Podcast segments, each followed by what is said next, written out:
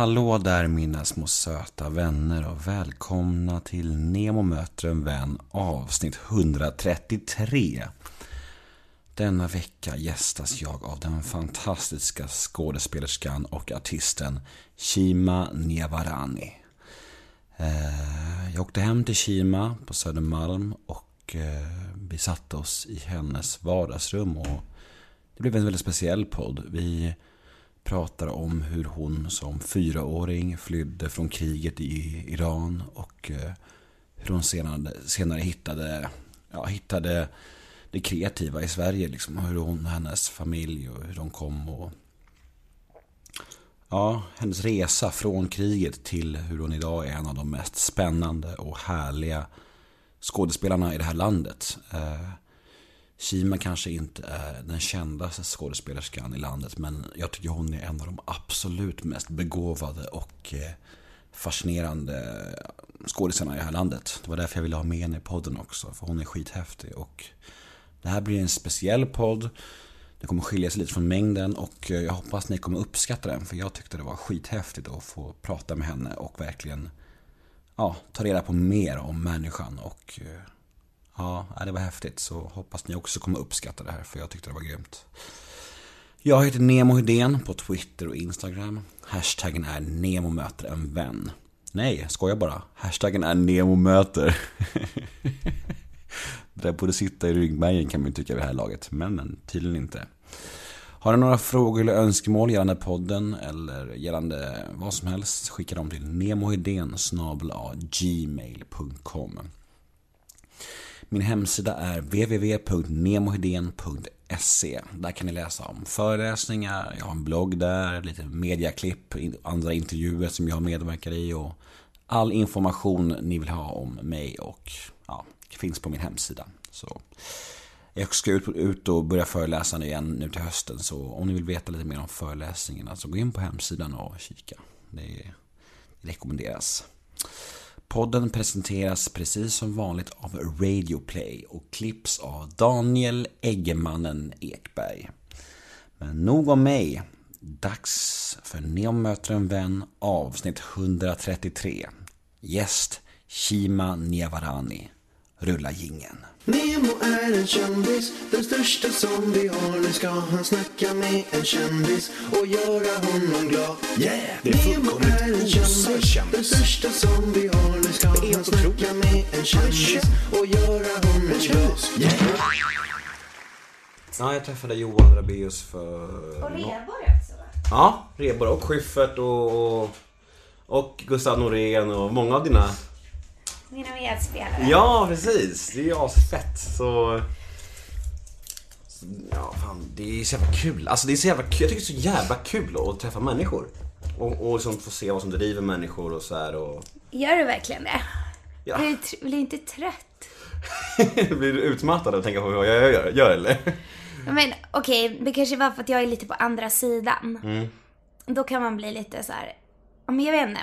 Jag läste om, om det här med introverta och extroverta. Mm. För att många som jobbar i min bransch anses ju vara väldigt extroverta. Särskilt om man är som jag som behärskar en publik. Alltså nu låter det väldigt eh, förmätet att säga så, men så här behärskar en social situation i alla fall. Eh, då anses man ju vara väldigt eh, extrovert för att man, är- man har den utstrålningen, man har det, det tillvägagångssättet hos människor. Men jag läste att det inte riktigt är så okomplext. För att introverta, när de kommer in i ett rum, då hämtar de energin inifrån och ger den ut. Eh, Medan extroverta går in i ett rum och tänker, vem är roligast här? Eh, och typ så här, introverta blir utmattade och måste vara med sig själva ett tag efter en sån situation där de har gett allt. Så det var intressant. Ja, ja, det, det, är ju of, det är oftast är inte så, så lätt som man tror. Att liksom så här, jag har ju intervjuat jättemånga skådisar och det finns ju inget som är gemensamt för alla. Liksom så här, varför de blir det. Alltså, jag blir of, slås ofta av hur, hur eh, liksom annorlunda folk är än vad man tror ofta. Och, och liksom, som jag träffade Reborg då, som du, en vän till dig. Jag tror att många kan tänka honom som så här ganska lätt lättsam och du vet så ganska så här, ja. Fred, Sitter på middagen och berättar anekdoter. Typ. Fredde Solsidan. Vet, du vet, jag tror gemene man tycker Johan Rheborg, han är en lätt enkel kille. Men du som känner honom och nu även jag som har intervjuat honom. Han är ju ganska komplex. Han är ju tänk, tänker mycket och har reflektioner och är väldigt känslig och så här. Och det, det tänkte jag innan alls. Men det är så här, jag, det är det jag älskar med det här. Jag får bli förvånad, jag får nyansera bilden av människor. Och i det här formatet också så får man liksom prata till punkt och det... Ja, jag gillar det. Kul. Ja. Vi börjar. Vi kör igång. Eh, Nemo möter en vän med Shima Nevarani. Ja. Rätt uttalat? Ja. Ja. För jag har tänkt på det där. Jag, jag, jag, jag skulle, att komma hit och uttala ditt namn fel hade ju varit pinsamt. Hur, hur hade du sagt då? då? Naivarani, Nivrani. Ja, jag såg eh, öppningsnumret i eh, QX-galan. Ja. Där det gör lite, lite humor av det. Ja, jag var nästan tvungen att alltså, skriva en sån låttext till öppningsnumret för att eftersom att ehm, det är så många som inte, dels inte kan uttala mitt efternamn. Alltså jag förstår att det är svårt. Men jag satt, jag satt, jag satt där eller? Jag klarade det. Eller? Du klarade det, Ja, absolut. fan vad bra, vad glad jag blir. Ja men du har ju ändå, Ja. det är inte så att jag möter dig på gatan och bara Hörru, vad heter det i efternamn? Sant. Sant. Jag har pluggat dagen. Ja. Nej men jag vet alltså det är också så här ro, alltså till slut i början kanske man rättar folk och blir så här, nej nu kunde de inte mitt efternamn. Men nu känner jag bara så att det är kul. Alltså Mm. det är något jag driver med, att jag har svåruttalat efternamn. Hur, eh, hur trivs du i- stolen just nu? Alltså den här intervju, bli, intervju, bli intervjuad stolen, eller vad säger man? Eh, bra, för att det är min egen stol. Mm. men också, nej men fast först när du hörde av, hörde av dig så, ja, du har ju försökt ett tag liksom. Avslöja mig inte! Okej, du får avslöja mig. Ja. nej men jag tycker att eh, det, det, jag har ju alltid en barriär Mm. med det här. Alltså så här, det, det, det tog, jag var väl snäll tror jag. Jag avfärdade dig snällt, gjorde jag Jag tror det, ja. Ja, men, men liksom att det, det tar tid för mig. Vad fick dig att ställa upp då till slut? Frågade du Johan eller hur var det? Nej, det som fick mig att ställa upp var nog du hade varit och sett Bullets over Broadway. Precis. Så skrev du väldigt fint till mig och la upp ett inlägg. Mm. Och sen så var det så här efter femte, sjätte gången du frågade mig när, i samband Fan, med att du hade alltså. sett föreställningen. Då kände jag att jag bara ville ge mig till dig. Vad fint! Nej, men jag kände att, eh, att eh, jag tycker envisa människor ska belönas. Och så, så tycker jag att det var väldigt fint att du var där, du hade sett någonting och bad än en gång om en intervju eller en så här podcastsamtal. Eh, och sen så tyckte det var fint liksom. Det var inte så att jag kände, eller att jag kände att jag inte vill bli intervjuad. Jag gör ju ganska många intervjuer ändå. Utan det var mer att det bara det tar på min kraft att möta den här situationen. Jag tror, när vi ändå pratade lite om Rheborg så, så, så, var, så var han inne på samma sak. Att han ställde upp för att jag tjatade så mycket och för att jag... Och jag tänker egentligen, om man tjatar så kan man ju framstå antingen som jobbig och sjuk i huvudet eller bara genuint jävligt intresserad av människan. Och det är ju det jag vill framstå som.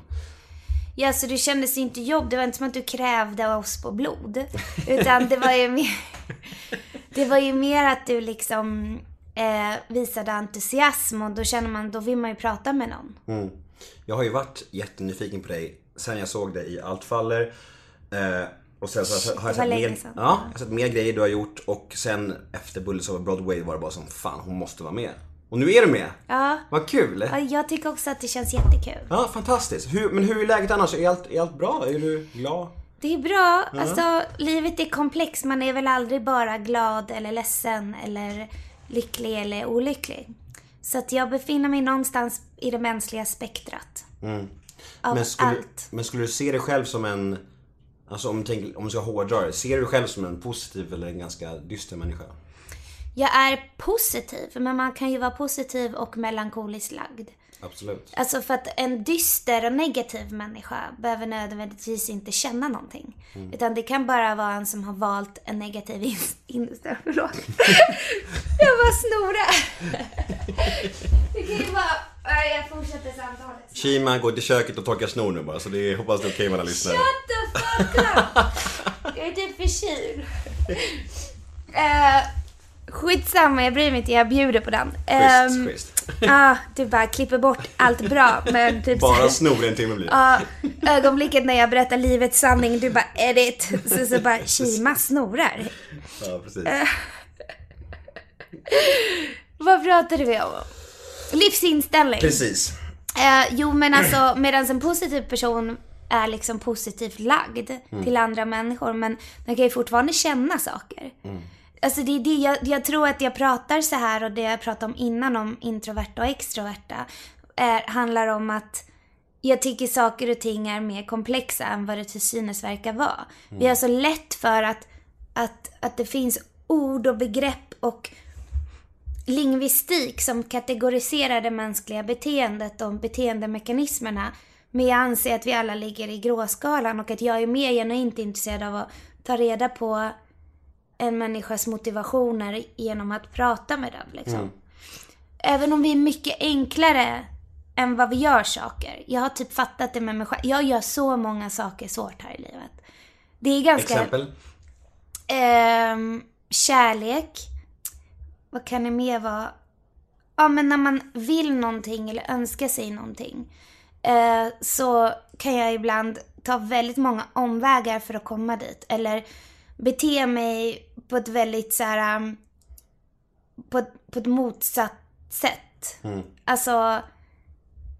Eftersom man är rädd och rädsla orsakar eh, ett eh, beteendemönster som framstår som väldigt osäkert. Eh, och rädsla uppstår ju bara när något står på spel. Och oftast är det något som står på spel därför att det är något som man har önskat sig väldigt djupt, långt inne. Fast man inte velat erkänna att det är ens liksom önskan. Men jag tänker ju ofta på det här med rädslor och hur mycket det begränsar oss överlag i livet. Liksom. Alltså, det, jag, jag, jag snackade med en gäst för länge sedan och som, hon pratade om en audition hon inte hon, hon inte vill gå på alls och så var hon till slut tidigt tvingad och så gick hon på den och det förändrade hela, hela hennes liv. Men hon hade aldrig gått dit egentligen, hon ville inte gå dit och för att hon var så rädd och säker på att hon inte skulle få det ändå. Då tänker jag så här, hur många människor där ute som, som tänker så, som är jag inte då för jag kommer ändå aldrig få det, det kommer ändå aldrig gå bra ändå. Och så missar de sina liksom, livschanser för att de inte trodde att de skulle klara det ändå. Alltså, mm, jag fattar exakt hur det är och ibland vet man inte om det är rädsla. Alltså man är ju klok om man inser att man är rädd för någonting. Men jag, jag vet inte om jag är rädd för, alltså jag har låtit bli att göra saker för att jag är rädd. Eh, jag tror inte det är min motivation till att inte göra någonting utan jag gör saker fast jag är rädd. Okej. Jag är nog modig på det sättet liksom. Jag hoppar in i saker även om jag är oförberedd. Alltså så här, jag försöker vara förberedd, jag prokrastinerar och fördröjer och avvaktar länge. Eh, och det kan ju handla om allt från så här relationer till människor. Att jag typ prövar och testar lojalitet och tillit ett tag innan jag är så här, ja ah, nu är du för alltid i mitt liv. Eller så här, ehm, eller om det kan vara jobb, att ibland kan jag känna så här, men gud jag är, jag önskar att jag var mer för, väl förberedd på den här grejen eller jag önskar att jag hade gjort det här och det här innan. Men jag gör det ändå. På det sättet är jag modig. Men ibland så tycker jag att jag kan fucka upp det för mig själv genom att eh, jag inte bara litar på sakers gång utan jag är så här eh, typ snubblar längs vägen och typ säger någonting som är tvärt vad jag egentligen känner eller vad det nu kan vara. Eller tvärt emot eh, Ja, eller typ om det handlar om prestation. Alltså jag tror att jag, jag har lättare för prestation. Men för där är jag mer såhär, jag vet vad jag går för. Ehm, mer eller mindre. Eller jag tänker så här, vad jag än inte kan göra kan jag överträffa mig själv med att göra ändå. Det låter ju kanske förmätet och konstigt att säga så. Jag tycker, det låter, jag tycker det låter fan häftigt och sunt snarare. Lite osvenskt men ändå jävligt sunt.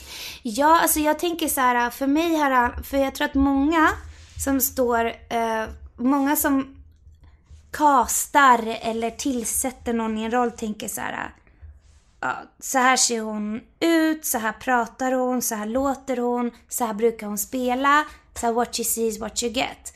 För mig är det you will get what you have not seen yet. För att min ambition är att att överraska mig själv också. Jag tycker att de mest fantastiska prestationer jag har sett på vita duken eller på scen är där en person, man ser den privat eller utifrån vad man har sett av den tidigare och sen står den och gör det där. Och det är ett så här major kliv. Eh, eller något jag absolut inte hade förväntat mig. Och det behöver inte ens vara att den har hittat helt nya dimensioner, gör en komplex roll på ett annat sätt och bölar och snorar så himla typ... Men snora, det var ju du bra på. Det såg vi nyss. Så, Du såg ingenting. klipp igen, förlåt. Jag blir arg. Det där var Förlåt. helt, helt, Förlåt. Helt inne i min egen näsa som jag kände att jag Ja, Jag snorade. vet. Förlåt, jag skojar. Bra. Till lyssnaren. Alltså det var inte som att det rann snor. Han Sämst- såg ingenting. Utan det var, jag, sämsta, sämsta intervjuaren någonsin. det var jag som upplevde shit jag behöver snyta mig och skrattade lite åt mig själv. Han gjorde det till att jag typ har blödigt näsblod Det och sant. det är en det pöl är sant, det är här. Typ. Men jag tänker att om man har en sån livssyn som du verkar ha, det här med att du är, vågar nästan, du vågar slänga dig in, prova nya saker. Och, och, det låter nästan som att, vågar du lita på människor och släppa in folk i ditt liv lätt och sånt också? Är du, är du, eller är det liksom, gäller det bara yrket det här du pratar om nu? Eller gäller det även liksom livet med relationer och sånt också? Att du är liksom bara slänger dig ut och släpper in folk och är väldigt öppen av det, eller? Mm, jag tror att jag uppfattas som väldigt öppen och inbjudande som människa. Alltså jag, jag är socialt kapabel och skicklig. Jag älskar att jag säger, äh, pratar om mig själv som i en kontaktannons. Och jag gillar även långa promenader och eh, härliga vinkvällar. Eh, nej men alltså jag tror att jag, alltså jag vet hur man ska bete sig. Jag är inte den som går in i en fest och är otrevlig mot folk. Jag, jag hälsar på folk, jag pratar, jag ställer fina frågor. Eh, är det ett sammanhang så tar jag liksom socialt ansvar. Eh, men jag tror att det finns också så här... Um, om man ser det hela som en gräddtårta. Jag försökte dra den här liknelsen för någon som jag inte vet om den riktigt förstod vad jag menade.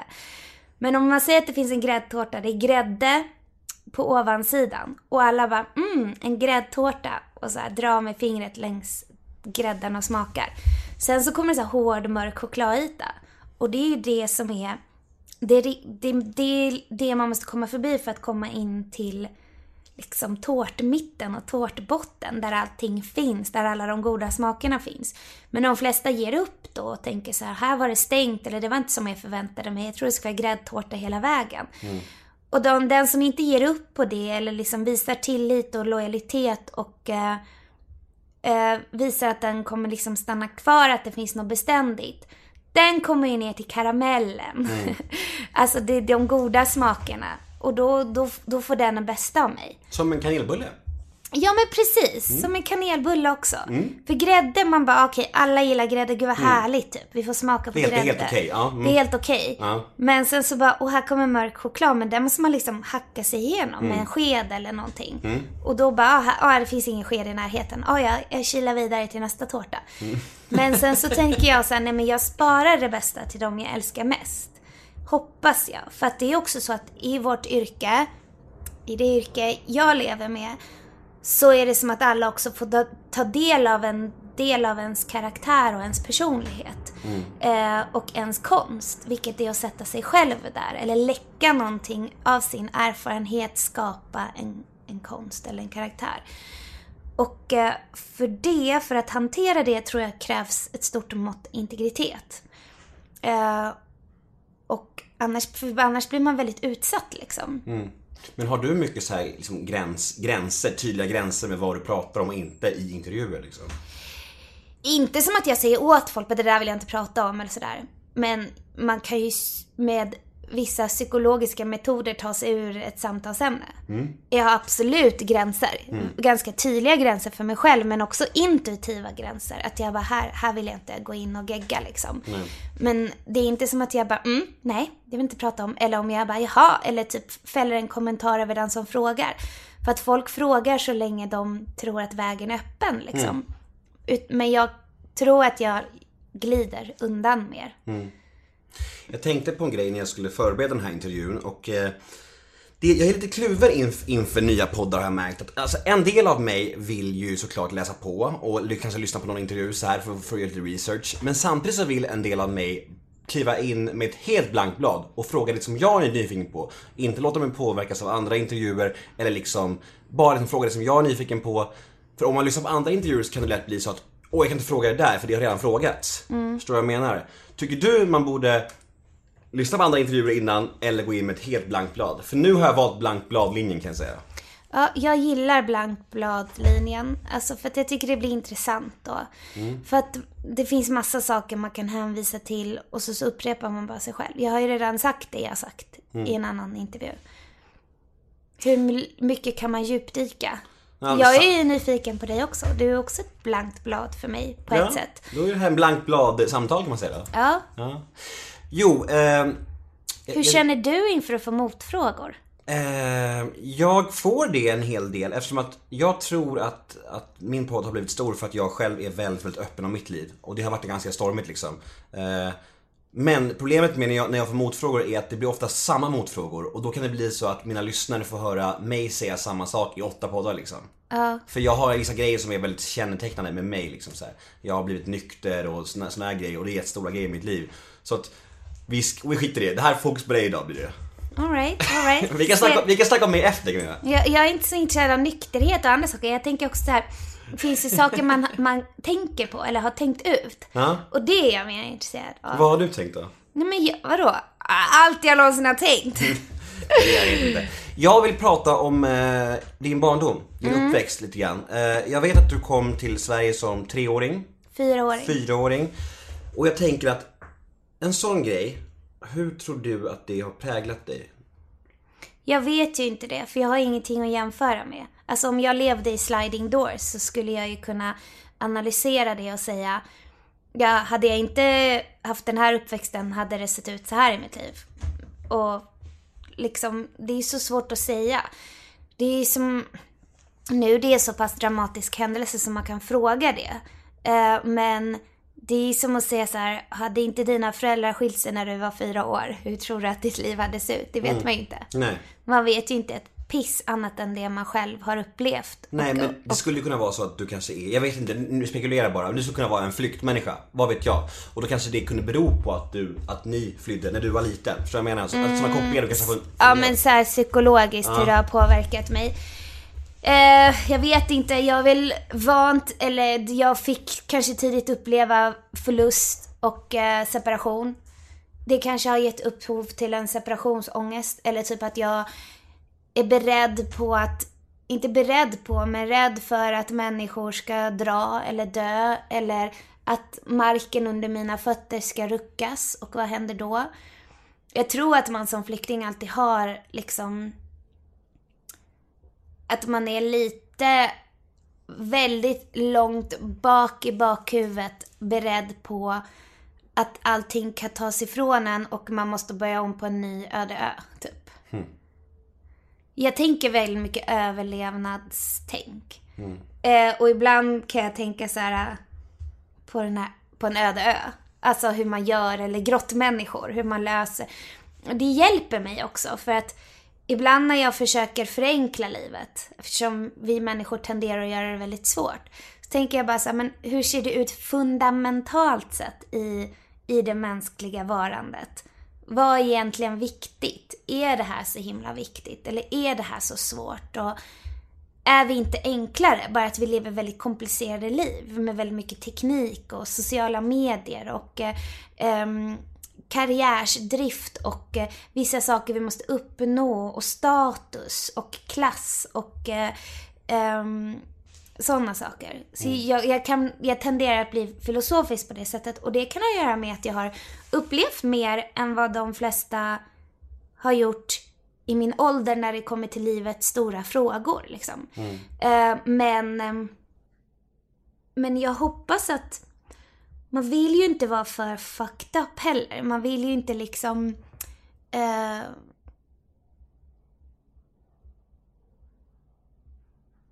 det- är väl möjligt att en sån händelse i livet där allting tas ifrån en och, och mina föräldrar levde ett annat typ av liv innan flykten och nu. Och det skapar ju drifter hos mig med som väldigt stark revanschlystnad och eh, upprättelsebehov liksom. För att jag känner att någonting I'm Nick Friedman. I'm Lee Alec Murray. And I'm Leah President. And this is Crunchyroll Presents The Anime Effect. We are a new show breaking down the anime news, views, and shows you care about each and every week. I can't think of a better studio to bring something like this to life. And Yeah, I agree. We're covering all the classics. if I don't know a lot about Godzilla, which I do, but I'm trying to pretend that I don't right Hold now. it in, hold on. And our current faves. Luffy must have his due. Tune in every week for the latest anime updates and possibly a few debates. Oof. I remember, what was that? Say what you're gonna say, and I'll circle back. you can listen to Crunchyroll Presents The Anime Effect every Friday wherever you get your podcasts. And watch full video episodes on Crunchyroll or the Crunchyroll YouTube channel.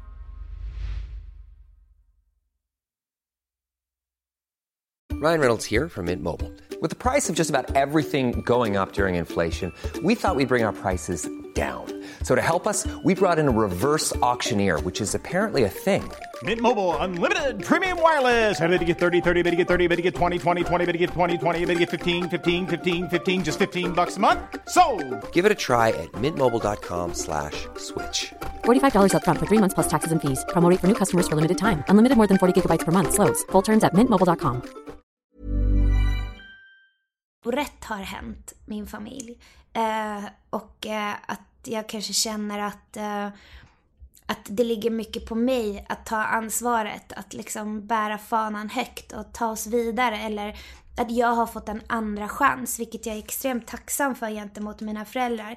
Och den andra chansen innebär ett visst ansvar gentemot min familj, men också typ ett ansvar för att jag bär på en berättelse liksom. Men o- också att den andra chansen också är orättvis för att jag känner att andra kanske levt sina liv i större trygghet liksom. De tar väldigt, sak, väldigt många saker för givna. Eh, bara så små grejer som att när två föräldrar ska ta sig in i ett nytt system vid ganska hög ålder då. Och inte som härliga metropoliter som byter land utan utan under premissen att de har flytt någonting, ett krig. Så blir det så att man, man måste lära sig myndigheter och system eh, på ett annat sätt. Och då kan jag bli så här, åh, jag, jag fick inte ens, jag hade inte ens stått i bostadskön när jag flyttade hemifrån. Eller jag fick inte det här att eh, ja, man backar upp eh, sitt barn. Eh, eller typ läxhjälp. För att de höll också på att studera på SFI då, inte Svenska Filminstitutet utan Svenska för invandrare. Alltså att det blir att jag fick lära mig allt själv. Mm. och ta liksom kontrollen över mitt liv. Och prestera bra för att det var min chans. Eh, eller det var min enda möjlighet. Sånt kan jag tycka är lite så, inte orättvist men liksom vad, jag, vad man har fått kämpa mycket. Um, och att jag någon gång skulle typ vilja bli belönad av universum. Så, här, så här, du koppla av nu, här kommer din solstol och typ allt som är härligt i livet. Nu får du det. Jag tänker att jag, att jag ser här på väggen dina fina priser och stipendium och... Så himla bortskämt. Jag Ja. bara, varför får jag ingenting? jag bara, du har ju, här har ju din belöning. Du har ju massa Guldbaggenomineringar och fina utnämningar. Ja, det här är ju så pinsamt för att jag, jag brukar ju ta hem sånt där till min mamma. Eh, och de, de är inte ens inramade. Så jag, min mamma skulle komma och hämta de här grejerna för att jag, jag brukar inte ens vilja ha för mycket så här person, alltså du vet så här som typ affischer från föreställningar och sånt. Nu har jag dem där och de, de från Bullets over Broadway, de står ju där för att de ska bli hämtade av min mamma. Jag har så här foton på mina morbröder, min pappa och mamma när de var unga, jag och min bror när vi var barn, jag och min pappa. Alltså så här, jag, jag vill typ så här befästa mina rötter hemma. Så att jag, jag skäms ju lite när det är pristavlor. Det är som så sporthjältar som har pokaler hemma, inte det lite? Jag trodde du så ställde upp alla, alla priser och sånt bara för att jag skulle komma. Det är bara så här, nu kommer någon ny, du måste visa upp allt. Ja men gud, det roliga är så, så där var det när jag var liten. Att man typ städade jättemycket för att det skulle komma någon gäst som bara skulle hämta någon grej. Men det var en viktig person så att det skulle se prydligt ut. Ja, och jag var tvungen att typ klä upp mig för att det skulle komma någon. Men för att återkoppla lite till barndomen. Vad är dina första minnen? Nej men får jag bara förtydliga en grej Ja, apropå absolut. det vi pratade om Absolut. innan. Det är inte som att jag menar att har, man varit med om något skit så ska det, alltså så här, man måste ju, eh, jag tror ju verkligen på hårt arbete. Mm. Och jag tror verkligen att den enda upprättelsen man vill ha kan man ge sig själv. Eh, men eh, det jag menade var att man kanske också måste tillåta sig själv då. När jag pratar om universum så kanske jag menar den, den egna psykologin. Mm. Att bara så här koppla av. Det är liksom, saker löser sig. Alltså så här, nu har jag gjort, det har hänt dramatiska saker i mitt liv. Jag klarade dem. Skulle jag inte klara dem skulle livet se annorlunda ut. Men då skulle jag behövt acceptera det också. Mm. Mm. Bara som en tanke. Mm, jag, ty- Ja, jag tycker kan- det låter, fint. Vi kan fortsätta med din nästa fråga. Min fråga var, eh, vi, snack, vi snackade ju om din barndom och, och flykten vid fyra års ålder. Alltså, dina, dina, har du några minnen från den här tiden alls? Ja. Vad är dina första minnen? Eh, jag vet inte vilket som är det första och vilket som inte är det. För att allt är lite mischmasch när man är sådär liten. Ehm, alltså, det, var- vi- vissa minnen är ju så här. Typ det man, jag minns ju inte jag minns ju typ mina morbröder när de kom hem från kriget. Jag minns min mormor som jag bodde med under jord i ett år. Tillsammans med min pappa medan min mamma och bror var i Sverige redan. Och jag minns min morfar och såna här saker. Men de specifika händelserna jag minns är relaterade till, ja. Att vi var tvungna att åka till norra Iran för att de började bomba Teheran. Eller om det var bombningar i Teheran. Alltså så här, vet inte, jag brukar typ nästan aldrig ens prata om de grejerna. Det är typ som en förgången tid. Alltså jag kan inte ens... Det är som en tid... eh, Alltså som man skulle läsa i typ någon... På spaning efter en tid som flytt av Proust typ. Att det är minnen som typ... ehm, som att jag har läst dem. Eller som att de tillhör någon, någon annan, en författare eller något. Eh, jag förstår ju också att det är jag, fast samtidigt så tänker jag att det skulle lika gärna kunna vara någon annan. Så relaterar jag till den tidens minnen. Jag lever liksom ett helt annat liv nu. Mm. Mm. I min familj så pratar man inte så mycket om det som har varit. Alltså vi har typ som en sån grej att man... Jag tänkte faktiskt fråga det, hur din familjs, alltså har de samma inställning till liksom, det förflutna som du har? Alltså de var ju vuxna. Alltså hälften av deras liv ägde rum, såg ut på ett helt annat sätt än vad det gör idag. Mm. Eh, de fick barn där. De levde andra bra liv innan kriget och allt det där. Mm. Ehm, det var ju, de tillhörde en slags övre medelklass, överklass liksom. Mm. Vilket vi absolut inte har växt upp i här, men... Ja, så... Nej, men jag har haft många frågor och sådär när jag växte upp och jag har intervjuat, när jag sommarpratade då tog jag tillfället i akt och ser det som ett del av mitt jobb att jag måste ställa massa frågor, vilket var väldigt jobbigt för mina föräldrar. Jag har frågat min farmor innan dog, min faster, jag har försökt sätta ihop pusselbitarna. Ja men det är som att vara så här. Det är som att man befinner sig i en bok. Men man vet att det finns historia i en annan bok. Mm. Men den boken har klippt sönder så alla så här bokstäver och meningar måste man sätta ihop själv. Mm. Som ett litet pussel för att få ihop, med, för att få ihop helheten. Mm. Det låter nästan som en film. Ja. Som en filmhandling. Någon som, någon som ska leta upp det och pussla upp det. Ja, jag har varit privatdetektiv över mitt egna förflutna. Mm. Skoltiden då? Eh, vad, vem skulle du säga att du var i skolan?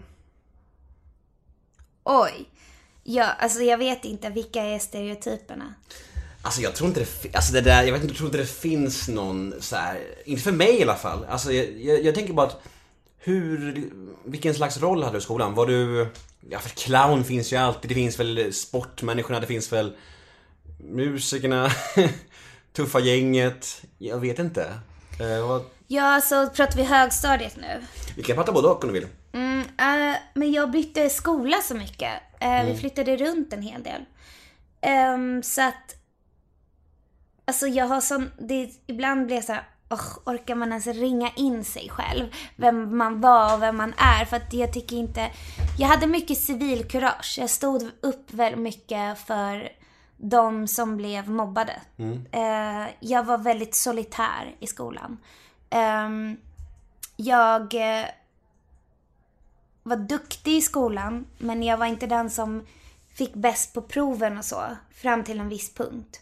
Eh, jag läste typ avancerade böcker. Jag hade, en, jag hade liksom en parallell skolgång med mig själv. Liksom. Jag var väldigt intresserad av väldigt många saker, väldigt nördig. Eh, saker som hade med skolan att göra, men jag var ofta väldigt uttråkad. Men det är som typ så här, som nu försöker jag göra körkortsteorin. Jag klarade uppkörningen efter 13 körlektioner. För att den är jag intresserad av, men typ... Alltså, 13? Jättelite, är inte det? ja, Fan vad grym du är. Jag Jag har vet. precis börjat också och jag tror, jag tror typ att jag kommer klara på 100 lektioner. Det känns som ett hopplöst liksom. ja, men jag älskar att köra bil. Ja, men då så. Men, så här, men vissa saker om det här med att plugga teori för mig tillbaka till skoltiden. Mm. Och jag börjar inse hur min hjärnas synapser kopplar. Alltså så här, det finns, alltså jag skulle kunna studera kvantfysik på egen hand och typ så här, nå insikter. Mm. Men typ så här, att lära mig körkortsteori tycker jag är typ så här, ja, I don't get it. Men, men tror du, alltså, nu kanske jag, nu, nu, nu har jag en fördom här, men jag vet inte om det stämmer. Men tror, att, tror du att man automatiskt blir mer hårdhudad för att man har immigrerat? Känner du att, att, att en sån grej påverkar? Nej. Nej. tror jag verkligen inte. Eh, nej, jag tror man kan vara skör eh, och bräckligare på andra sätt liksom. Men däremot så tror jag att eh, Alltså jag tror inte den händelsen i mitt liv har präglat mig mest. Jag tror att skolgången har präglat mig mycket mer. Eller har skapat vem jag är. Eh, mycket mer. Men däremot så tror jag att det kan förändra livsinställningen liksom. Men allting handlar om vilken kontext man hamnar i. Det finns ju de som har flytt med samma medel som jag och min familj, men hamnat någon annanstans liksom. Det beror på hur hårt man håller fast vid det förgångna. Hur nostalgisk man är liksom, över det man förlorat eller inte förlorat. Eller liksom över det man tycker att man har vunnit av att fly. Liksom, Hur livet ter sig och ser ut. Och vilka erfarenheter man har haft längs vägen. Var det självklart för dig att hålla på med något kreativt? Nej. Det var nog undermedvetet självklart på något sätt eftersom jag så här, inom citationstecken alltid har sjungit och skådespelat och skrivit poesi eller uttryckt mig på ett eller annat sätt, skrivit låttexter. Det var naturligt. Om jag såg någonting så imiterade jag det lätt liksom. Eller om jag läste i sång, alltså du vet så här, CD-sånghäften så började jag själv förstå hur man skriver låtar, hur uppbygg... Alltså hur, vad en låtuppbyggnad är. Eller om när jag började läsa pjäser, hur lätt det var för mig att själv skriva dialog. Eller lätt och lätt, men att jag lätt hemföll åt att göra det. Eh, men jag hade... Men jag... Ja. Alltså jag tror att mina föräldrar ville gärna att jag skulle bli läkare, advokat, något så här klassiskt yrke. Skaffa ett riktigt jobb. Ett riktigt jobb, men också lite så klassisk Irani-grej att säga så. Eh, men, och jag tänkte så här barnpsykolog ett tag. Eh, jag har alltid tyckt om barn och psykologi. Också för att jag liksom var både ett barn men också ett barn som tittade in utifrån. Eh, och väntade på att få bli vuxen liksom. Eh, så då kändes det naturligt så. Men ja, alltså det tog inte många, alltså jag var aldrig en sån som bara, vad ska jag välja på gymnasiet? Eller jag var inte sån här som egentligen tvekade. Jag tror att det är den driften och det kallet som finns i någon som verkligen bör göra någonting för att vara lycklig. Den är, det är starkare än allt annat. När kom skådespeleriet in i bilden då?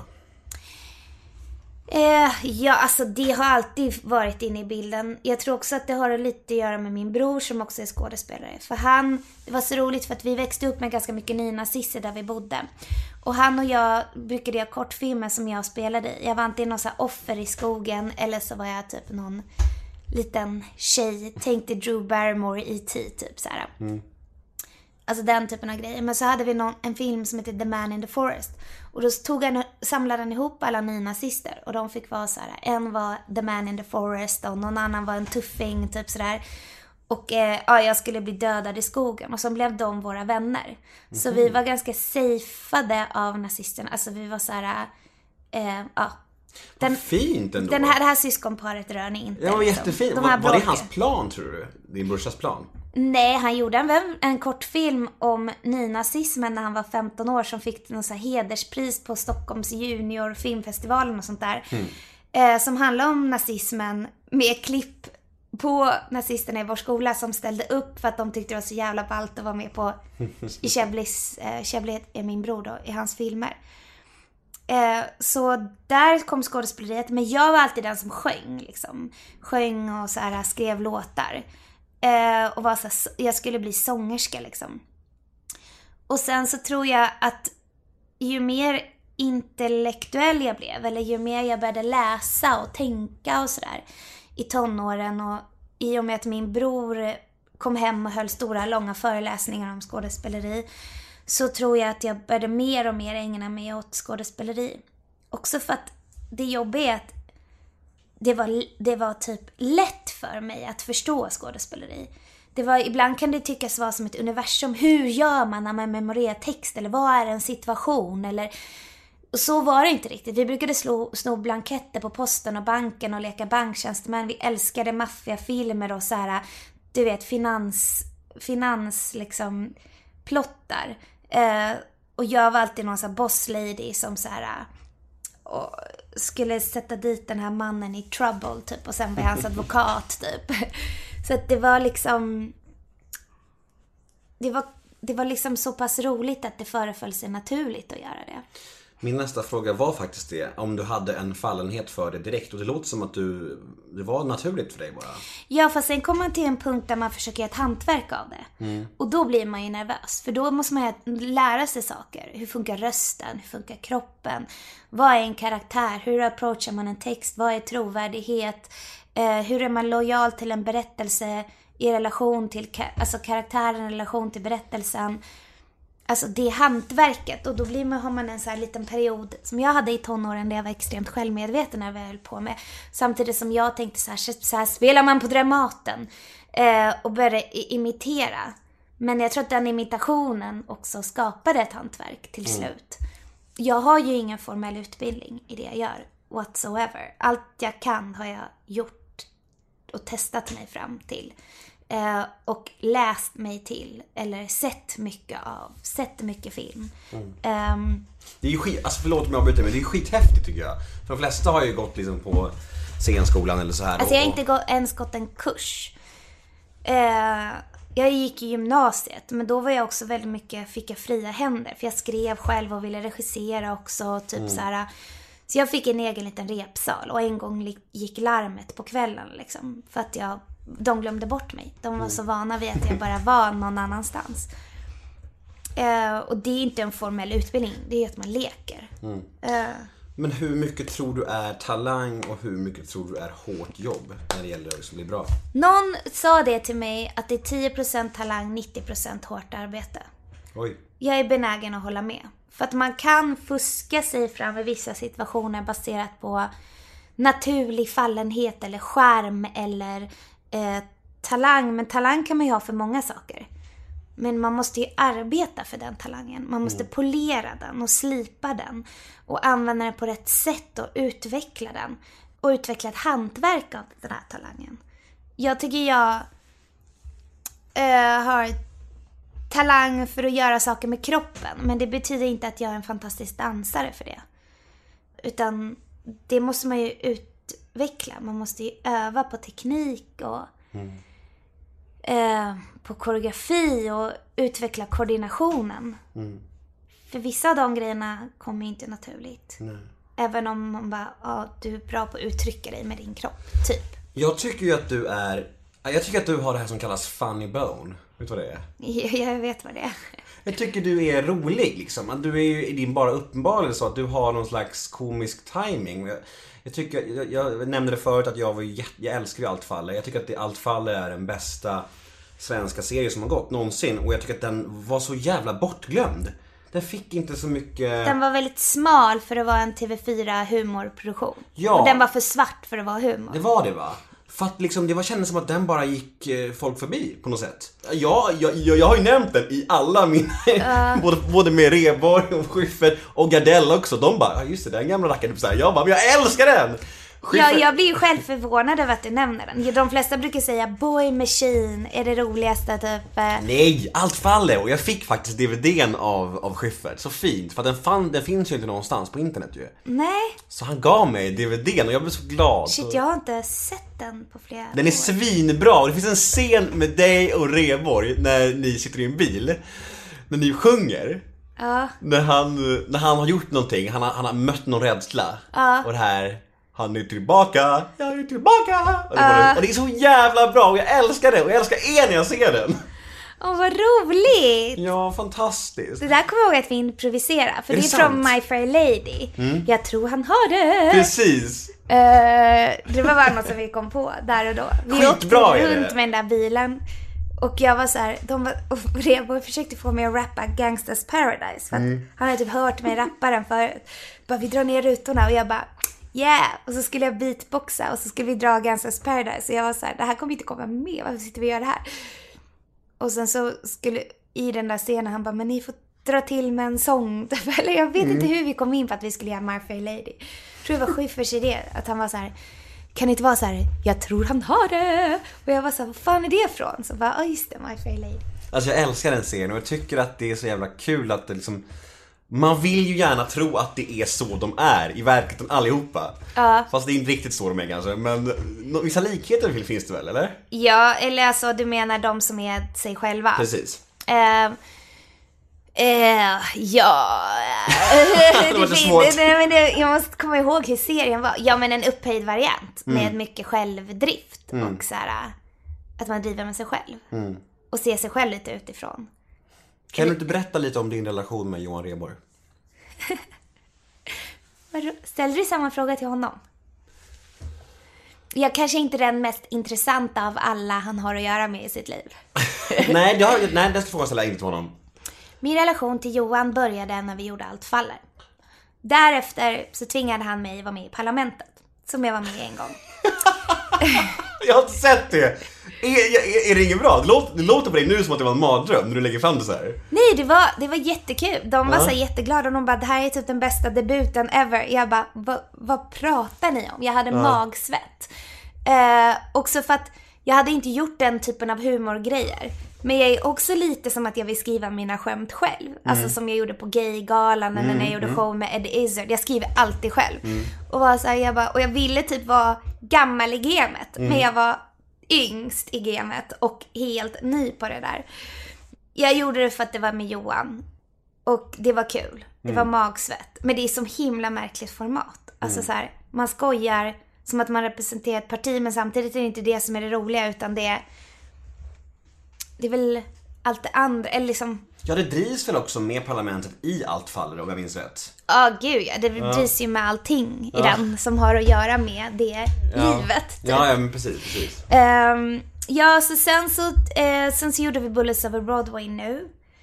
Jag älskar Johan. Alltså jag tycker han är som en så här storebror för mig, en partner in crime. Mm. Ehm, Jo, vi pratade visst om dig. Gjorde vi. För jag nämnde, eh, vi pratade om allt faller och då nämnde jag er kemi där, hur jävla fantastisk den var, bra den var. Så vi pratade visst om dig.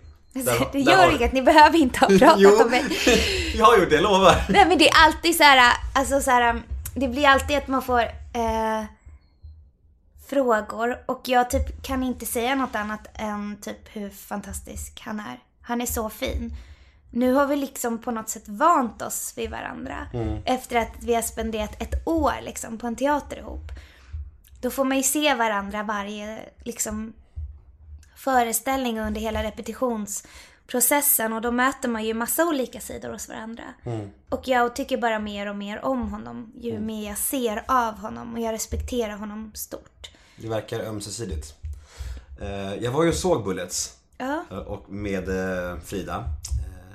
Och eh, det, jag tycker att det var så jävla bra. Alltså så jävla bra. Och jag är ingen musikalmänniska, det är det som är grejen. Jag har inte kunnat uppskatta en musikal någonsin typ. Och jag har försökt några gånger men det här var liksom nu går inte den längre så jag kan inte rekommendera den folk, det är lite synd. Men alltså den, den var så jävla högt tempo och roligt och ni sjöng så bra och det var så här. Jag, jag vill bara säga det. Jag älskar Vad den. glad jag blir. Ja. Det, var, det är kul att höra. Jag hade väldigt roligt med den Det föreställningen. märktes tycker jag på er ensemble och på ert gäng att ni verkligen hade kul. Det var ett bra gäng, var det inte det? Ja, ja alltså det, är- det, jag är fortfarande så kär i alla jag jobbat med och typ saknar dem. Mm. Vi hörs ju i och för sig ganska mycket ändå. Men, ehm, ja men Emma Bucht till att börja med, fantastisk regissör som jag hade förmånen att jobba med. Ja, Johan och Johan och Helene Sjöholm och eh, Linus Wahlgren och Renny Mirro och all, alltså hela ensemblen och ja, jag har bara kärlek Mm. till de här människorna. Ehm, eh, för att jag var typ lite osäker. Jag har inte heller gjort musikal förut. Jag är nog inte en riktig så Head over to Hulu this March, where our new shows and movies will keep you streaming all month long. Catch the acclaimed movie All of Us Strangers, starring Paul Mescal and Andrew Scott. Stream the new Hulu original limited series We Were the Lucky Ones with Joey King and Logan Lerman. And don't forget about Grey's Anatomy. Every Grey's episode ever is now streaming on Hulu. So, what are you waiting for? Go stream something new on Hulu. Normally, being a little extra can be a bit much, but when it comes to healthcare, it pays to be extra. And United Healthcare makes it easy with Health Protector Guard fixed indemnity insurance plans. Underwritten by Golden Rule Insurance Company, they supplement your primary plan, helping you manage out of pocket costs without the usual requirements and restrictions like deductibles and enrollment periods. So when it comes to covering your medical bills, you can feel good about being a little extra. Visit uh1.com to find the Health Protector Guard plan for you. musikalperson på det sättet. Och jag tror att folk tror det för att jag kan för att jag spelar, sjunger och dansar. Alltså vet lite så här att de tänker att det kanske är naturligt för mig att göra musikal. Men jag har inte en sån, alltså jag gillar idén om musikal. Mm. Som jag gillar, älskar idén om Broadway. Eh, men i mitt huvud är Broadway mer fantastiskt än vad det faktiskt är när man går och ser en Broadway-uppsättning. Jag tänker så här, det är Cirque du Soleil goes Madonna 91 typ. Alltså, Mm. att i mitt huvud är det så fantastiskt och så överraskande och så bra sångnummer och dansnummer och skådespeleriet är på eh, så här, det är Nathan Lane som spelar i The Producers fast med dansnummer som är typ, alltså du vet i mitt huvud så har jag så otroligt höga förväntningar. Ehm, och sen så är det en värld som typ konstant underhåller mig. Fast efter typ, på Broadway gör de ju kanske, spelar de ju sex år eller vad det nu är. Eller även efter ett år tycker jag att, alltså man märker att skådespelare blir trötta. Alltså det är inte den här um, magin, alltså livet då. Jag kan inte förklara. Eh, så jag hade, jag hade egentligen tvivel inför att göra den här föreställningen. Alltså vilket är jättekonstigt så här, i efterhand. Det är världens bästa cast, världens bästa ehm, story. Det är jätteroligt att göra en Woody Allen musikal liksom. Eh, eh, allting, teatern, allt är helt fantastiskt. Och som det blev också sen. Alltså den succé det blev. Jag är extremt tacksam för att jag fick vara med. Ehm, men men jag var lite så här, åh gud, ska jag, ska jag låsa in mig ett år på... Jag hade inte gjort teater på tre år liksom. Jag har gjort 40 teaterproduktioner, men jag har jobbat i 13 år. Jag- var trött på scenen liksom. Och det här äh, upprepandet kväll efter kväll liksom. Och att man bara ger och ger och ger och ger. Ehm, och svettas och vänder på dygnet och kan inte göra något kul på helgerna och hela det livet kring teater när man börjar så ung som jag gjorde när jag var 18-19, så man blir ju trött efter ett tag. Jag har levt ett väldigt konstigt liv liksom. Eh, det mesta jag har fått leva ut har varit liksom på scenen. Man blir liksom ett litet freak liksom, tycker jag ibland. Jag märker att så många har kommit så mycket längre med sina privata liv än vad jag har gjort. Vilket jag började komma till insikt om. Så jag slutade ett tag. Eh, och sen så kom jag in i den här fantastiska produktionen. Men, och men, doppar tårna väldigt försiktigt.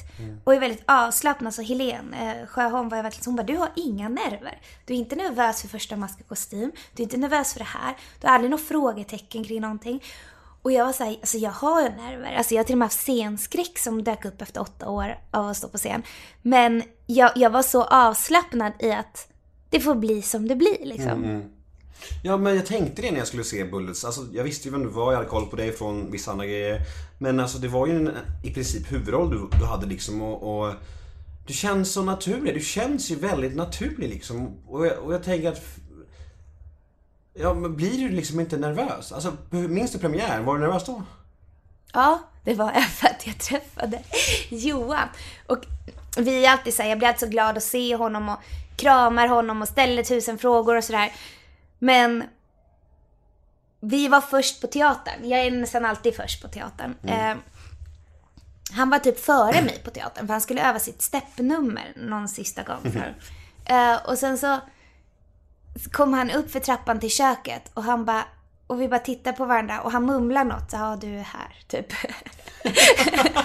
Vad skumt! Nej men, nej, men någonting ja, så här ja. att bara hej, ja. Och jag var så här, absolut, absolut. Mm. Alltså vi typ sa, vi, jag var helt borta bara. Mm. Och sen så kommer jag ihåg att eh, på någon av den här genomdragen så hade de lagt min sminktid väldigt sent. Och jag är väldigt control freakig med min eh, tid innan jag går ut på scen. Jag har en ritual som jag bestämmer i huvudet innan första gången vi har genomdraget. Och så här föreställer jag mig då i min sminktid. Då, här gör jag min uppvärmning, här gör jag min röstuppvärmning, här gör jag det. Här tar jag tid och bara bubbar. Jag bubbar alltid, all, det vill säga placerar ut all rekvisita själv. Jag kollar på scenografin. Eh, jag har väldigt specifikt var saker ska ligga så att det inte finns några frågetecken. Mina kostymbyten, jag måste ha dem klart och tydligt. Jag blir extremt nojig av att bara komma ut på scen och bara Vad är det för kostym nu? Typ innan man har, har lärt sig det. Det tar ju några gånger och det var ju så mycket kostymbyten i den här föreställningen.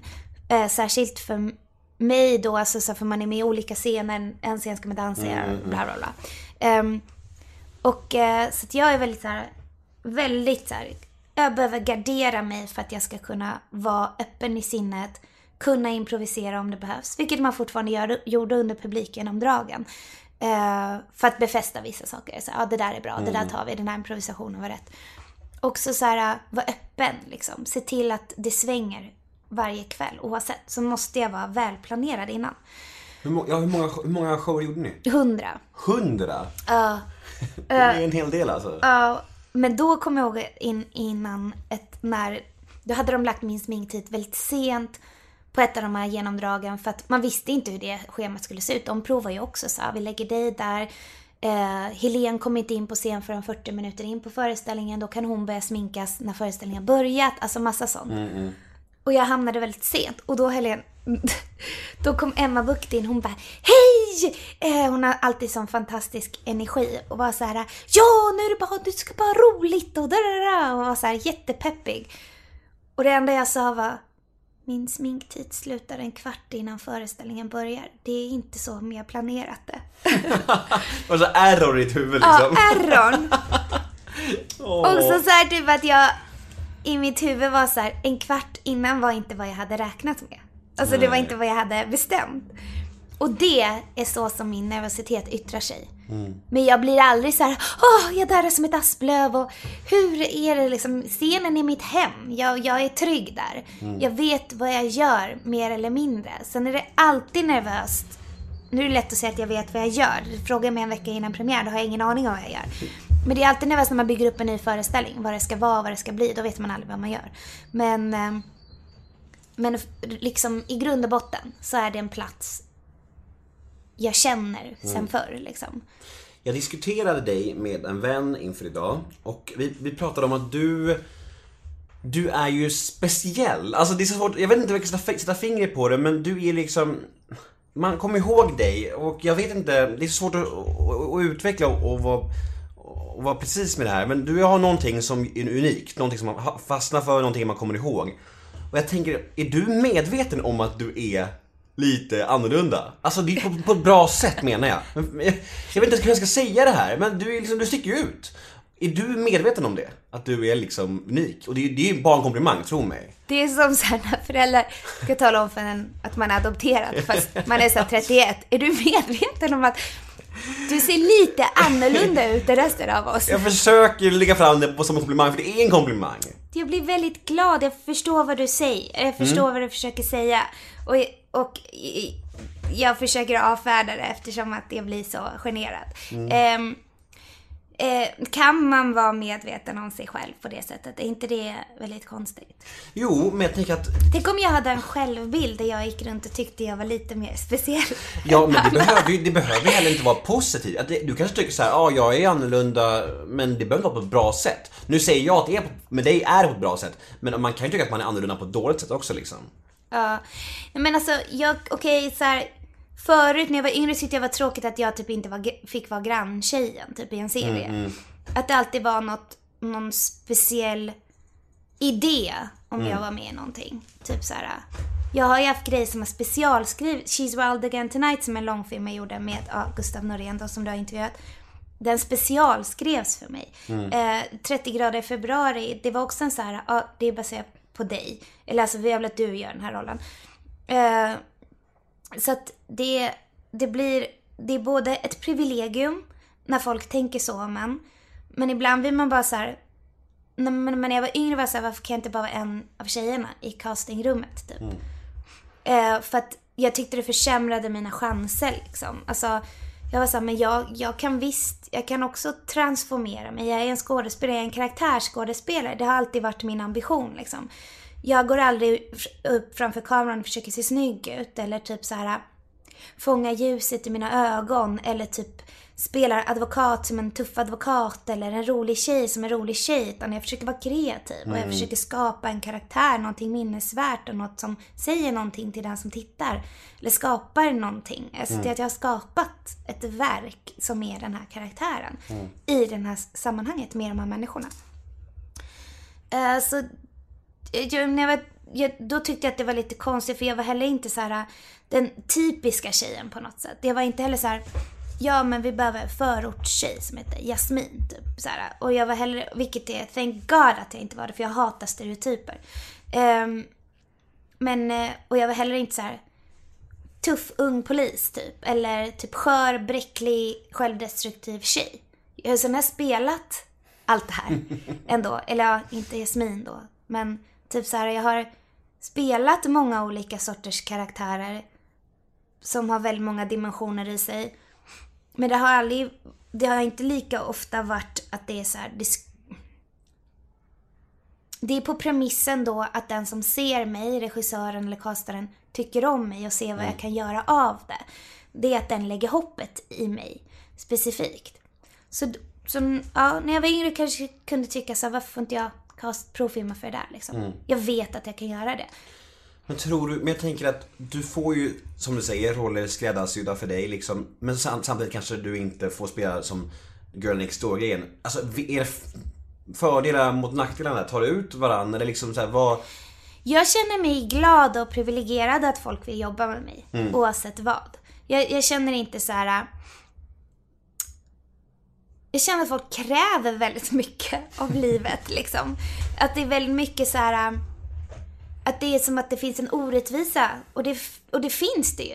Allt är orättvist här i livet. Ingen får allt liksom. Och det är inte så här. Uh, självklart att jag ska spela huvudrollen i typ um, i någon satsning med en polis som är typ har kanske någon diagnos men har ett lite jobbigt förflutet eller vad det nu kan vara.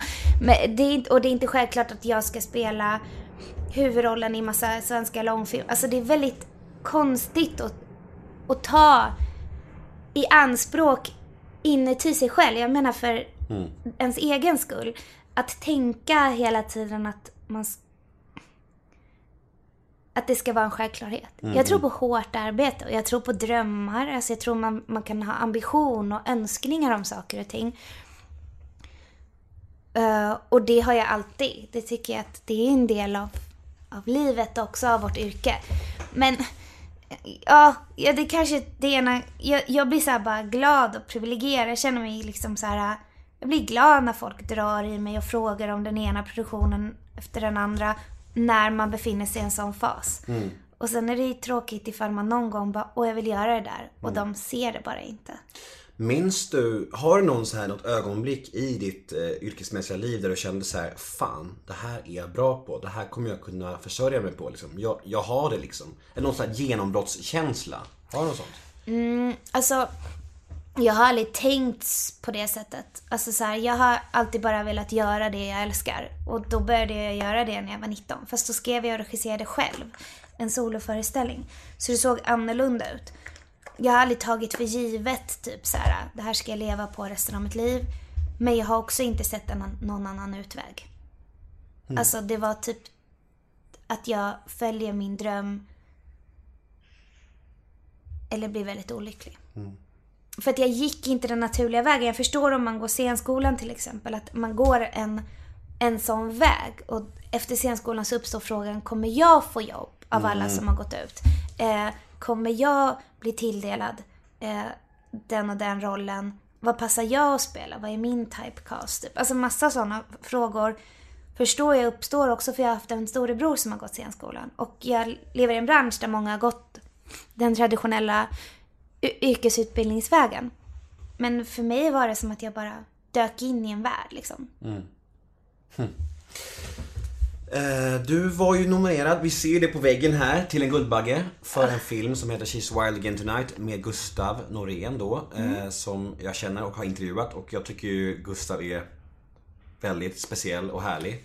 Eh, Befriande speciell i en värld där alla försöker vara som passa in i ledet så är han väldigt, spe- jag, jag gillar Gustav som fan. Jag med. Kan du berätta lite om det projektet och ert samarbete och, eh, och, eh, och sen Guldbagge, hur, hur tankar om en sån grej är? Om det, är det viktigt med sånt? Liksom så här? Eh, alltså den filmen var jag med och skrev på för typ 7-8 år sedan. Men då var det något helt annat. Sen tog Fia-Stina Sandlund över rodret när jag jobbade på teatern och massa andra ställen.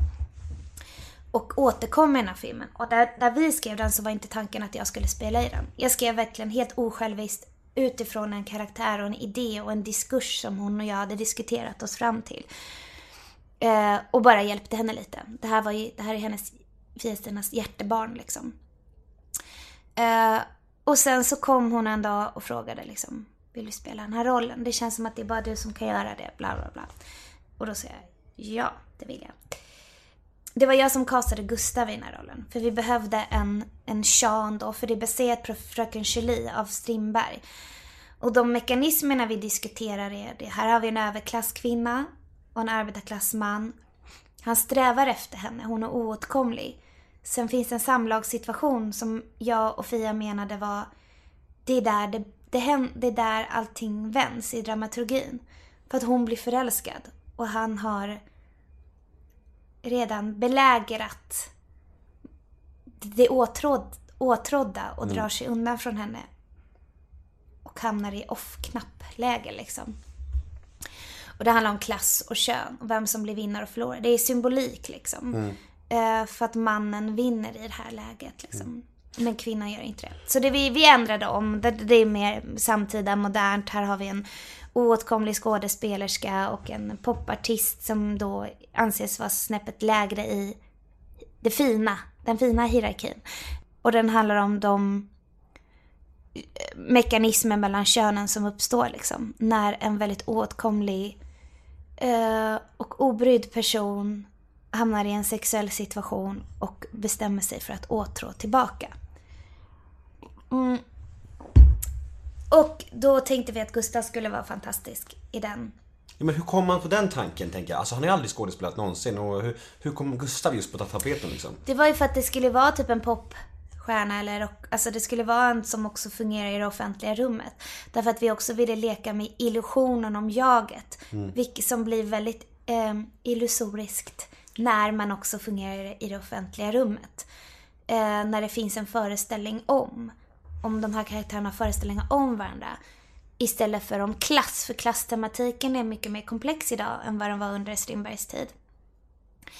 Eh, ja, det kan man i och för sig tycka både och om. Men jag skulle nog säga att det inte är... Att begreppet klass ser annorlunda ut än vad den gör i Fröken Julie-pjäsen. Eh, och, eh, eh, och då så, jag hade träffat honom utanför eh, ett evenemang på Cirkus. Och då hade han kommit fram till mig och tackade för mitt sommarprat som han hade lyssnat på. Och sen så kommer jag ihåg att han var så, han hade så fin energi och var så här genuin liksom. Och då så kom, dök hans namn upp i mitt huvud bara. När Fia höll på och frågade liksom, letade efter den manliga karaktären i filmen. Ja, genuin är fan ordet alltså. Det, det, han, han är bara som, han är bara sig själv. Oförställd. Verkligen. Mm. Det är så jävla häftigt alltså. Absolut. Och du vart Guldbagge-nominerad och då blir jag så nyfiken på, som skådespelare, bryr man sig om sånt egentligen? Eller, eller de som säger att de inte gör det, ljuger de? Eller, eller hur, hur ställer du dig till priser och sånt? Och recensioner och kritik och allt sånt där liksom? Yttre? Det är ju recensioner, priser, allt sånt där är ju vissa maktfaktorer i vår bransch. För att eh, man vill, för man vill inte bli förbisedd för sitt arbete. Alltså nu pratar jag teoretiskt. Eh, det är en maktfaktor att få ett pris eller att få bra recensioner. Och med maktfaktor menar jag att det finns en makt i de som skriver om en eller de som belönar en på något sätt. Eh, sen tycker jag personligen att det inte kan vara avgörande på något sätt för vad man gör. Eh, för att alltså, det är samma sak som med pengar i den här branschen. Eh, jag har tackat nej till saker jag skulle ha kunnat bli rik på och tackat ja till när jag gjorde She's Wild Again Tonight som är independent film jag fick, eh, och låg budget, jag fick minimilön. Hade jag tackat nej till en stor svensk rulle där jag skulle ha fått mycket mer betalt. Eh, och mycket mer folk som hade sett den. Mm. Men eh, jag valde att tacka nej för jag var lojal till projektet jag höll på med liksom. Kan du inte säga vilken film? Nej. Kan du säga det efter inspelningen? Ja, men absolut inte offentligt. Nej, okej, vi tar det efter. Eh, okej, men det är, skit, det är skitspännande ju. Man, man, blir- man Så blir... jag menar, det, man måste vara mer rock'n'roll Ja. än att man förväntar sig belöning eller att man ens tänker Guldbagge eller att man tänker det kommer komma recensioner. Mm. För alla de val man gör längs vägen måste man själv vara trogen till som konstnär. Mm. Jag valde det här. Jag tänkte inte att någon skulle se den här filmen. Jag förstod att det var en smart film. Jag tänkte inte ens att det var Guldbaggeläge på någonting. Ehm, jag trodde inte min karaktär i Bullets over Broadway skulle bli hyllad. För att jag var så här, om jag dör imorgon ska jag ha varit lojal till vad jag själv vill konstnärligt sett. Om någon ifrågasätter mig ska jag kunna försvara mina val. Jag ska kunna argumentera för vad jag gör. Och jag måste själv lita och tro på det. För att det är det här jag vill berätta. Mm. Står någon med en pistol mot min skalle, eller en regissör som, som vill något annat så måste jag kunna kämpa för det. Sen jobbar man ju ihop så att man Mm. kommer på bra saker. Alla har ju ett syfte. Liksom, man tar ju av varandra hela tiden för man skapar ihop. Men det måste kännas lite på liv och död. Mm.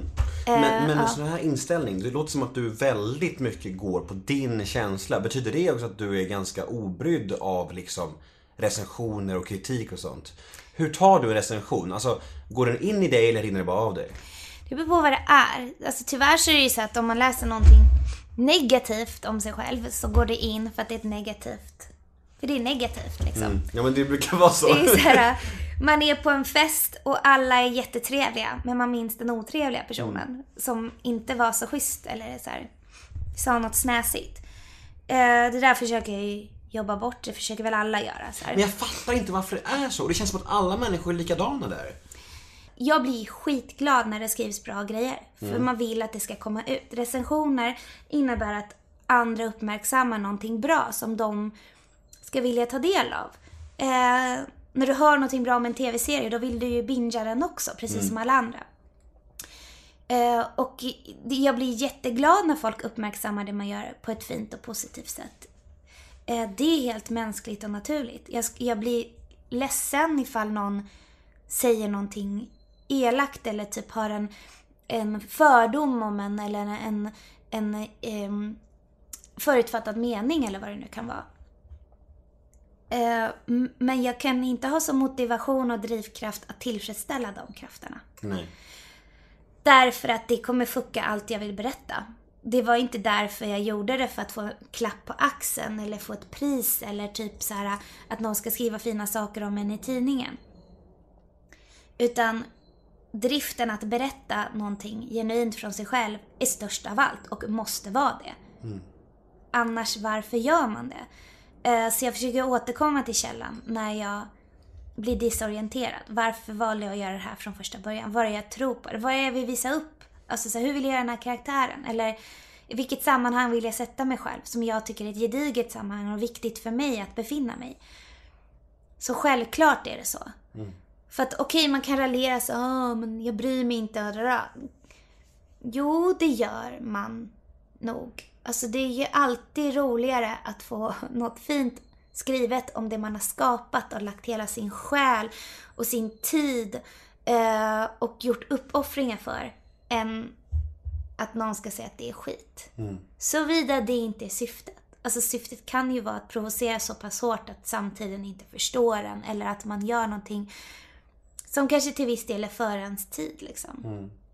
Men varför tror du att det är sådär som... Och det kan jag känna om den filmen, She's Wild Again Tonight. Ja, det är på gränsen jag tror att det, jag till tror att lite, det, till smalt såhär. Alltså, Ja, den är liksom- Smal är den ju, men så att nästan man inte fattar på något sätt. Känner jag Ja, nästan. gud ja, absolut. Och jag tror att det är en film som inte är till för samtiden. Jag tror att den kommenterar samtiden. Mm. Alltså så här, man kan titta på den om tio år och bara, det var den här diskursen som vi förde liksom. Men den är sakral och den är smal och jag tycker typ att det är bland det bästa jag har gjort. Mm. Fast den är helt off. Det är ju underbart att du känner så. Och det är väl det viktigaste egentligen, att du kan gå, liksom, gå därifrån och känna att fan det där blev, blev svinbra. Jag tyckte det var, jag gjorde ett jättebra skådespelararbete. Alltså Ja. jag gav allt. Eh, och lite till. Jag tappade alla skruvar under den inspelningen. Det finns, in, det, det finns ingenting normalt i att befinna sig i en situation där man blir filmad 10 timmar per dygn utan omrigg. Eh, och samtidigt som jag på nätterna skrev show, eh, Eddie Izzard-showen som Mhm. jag gjorde eh, under, sam, samtidigt som vi gjorde föreställningen fick jag två dagar ledigt liksom. Jag tror Gustav sa det. Han, han skulle aldrig palla se She's Wild Again Tonight för att den var så jävla absorberande att spela in. Den var så krävande att han skulle bli helt tokig av att se den sa han. Så det låter det låter som, att ni båda liksom verkligen fick ta ut det totalt på den. Jag, jag har sett den, tog mig två veckor. Och till slut så ringde Fia-Stina, vår regissör, och var så här. För jag, jag, de hade en visning och jag bara, jag kan absolut inte sitta med andra och titta på mig själv. Ni får titta på den själva och jag vill ha en länk typ. Ehm, och så tog det två veckor för mig att se den. Mm. Och då var de jättenervösa. Jag tycker vi rekommenderar det för alla lyssnarna. Jag tycker man ska se She's Wild Again Tonight, definitivt. Den finns på sfanytime.se. Super. Men varför tror du att det är så här då? Att, att, viss, att liksom du får, man får massa hyllningar och så får man en negativ kommentar och så är det ändå den man lägger fokus på. Varför är vi människor så för? Jag tycker det är skitintressant för att det verkar vara så verkar som att du säger att du är så, lite grann, jag är så garanterat. Alltså om jag lägger upp en podd och jag får 99 kommentarer och de säger fantastiskt avsnitt och säger en människa Ja det var väl ett ganska platt episod. Därför det är undantaget som bekräftar regeln. Om Mm. du är hatad av allt och alla och en person kommer och säger så här, men jag tycker du är fantastisk, då kommer du minnas det också. Ja ah, du menar där, det är så? Och i det sociala spelet, alltså så här, det är inte sällan folk, det, är- alltså det är inte ofta som man går in i ett rum och alla är otrevliga mot en. Men man minns den personen som var det. Mm. Och då undrar man, vad gjorde jag för fel? Varför nådde jag inte fram till den? Varför var den på så dåligt humör? Vem är den personen? Och man lägger väldigt mycket vikt och liksom tid på att förstå den människan. Mm. Mm. Vad är du mest stolt över i din karriär hittills? Oj. Nu ska vi se. Ja, ja, det är svårt att säga för att jag tycker typ så här, man är inte bättre än det senaste man har gjort. Typ. Eller liksom, man utvecklas hela tiden. Stolt över vad jag har gjort. Om du ska visa upp en grej för någon. Det här är det bästa jag har gjort. Som tänk så liksom. Åh, gud, det går inte. Vad, vad är jobbig nu? Eh, nej men alltså jag vet inte, jag tyckte alltså, och så jag gör så olika grejer också. Det går inte att säga så här, av alla de här tio drama independent-rullarna jag gjort så tycker jag man ska ta den här. Eh, liksom inget är det andra likt. Eh, Säg allt faller bara. du får säga allt Valle. Jag säger allt faller då. Jag säger, jag säger nog kanske showen jag gjorde med Daisy i Globen eller tyckte Boy Machine var väldigt betydande för mig. För den kom ut samtidigt som She's Wild Again Tonight. Och då har vi ett independent drama och en TV4 humorserie. Det var kul att visa upp två så olika... Den ena är såhär psychodrama. Mm, verkligen. Det andra är typ såhär pojkband och såhär romcom typ. Mm. Skapligt annorlunda mot varandra. ja, alltså det är så här, vem är den här schizofrena människan? Så det var väldigt kul att de kom ut samtidigt. Alltså jag vet inte. Jag är så här, jag är stolt över att jag gett ut musik på egen hand liksom. Det tycker jag är ganska ballt. Att jag tackade nej till skivkontrakt. Mm. Tyckte jag ändå var så gutsy typ.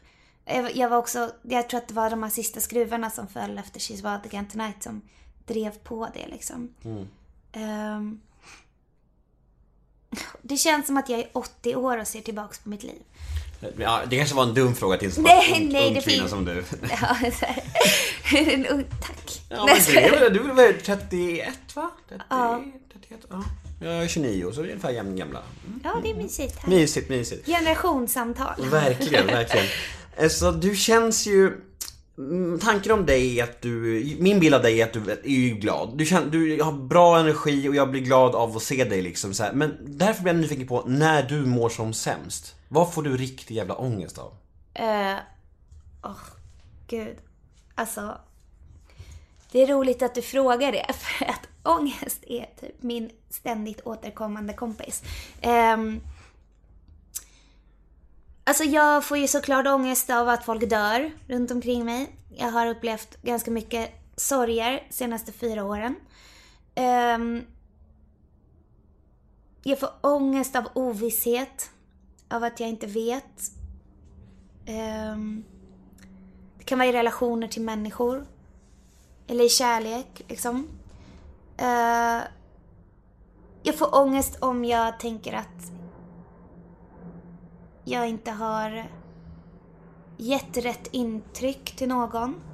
Typ så här eh, att jag inte förklarat vad den betyder för mig tillräckligt mycket. Eller om jag sagt något dumt. Jag får ångest av att göra bort mig. Eh, alltså det jag be- be- betecknar som göra bort sig. Jag tycker det mesta är typ bara roligt. Men jag, alltså jag kan få ångest över väldigt existentiella saker. Jag kan få väldigt mycket nattlig ångest. Typ att jag tänker på vilka jag kan förlora och vad som händer och så kan jag vakna upp på morgonen med en skräcktanke som ligger kvar sen insomningstillfället. Men alltså jag får väl ångest över de mest... Eh, det som de flesta människor på något sätt får ångest över. Ehm, men jag kan få ångest av ensamhet och tanken på ensamhet också. Nu är jag en ganska solitär person. Jag trivs bra med att tänka själv och vara i ett rum själv. Eller umgås med mig själv.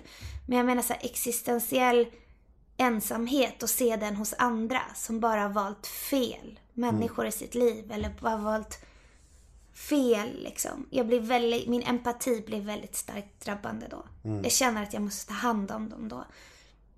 Alltså, man kan få ångest av att man bara, kommer jag någonsin bli lycklig? Typ. Eftersom lycka är något som vi strävar hela tiden.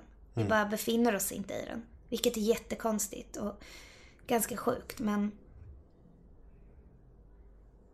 Ja, är det rimliga saker för ångest? Vad- Vad får du ångest över? Nej men mycket av det du nämner.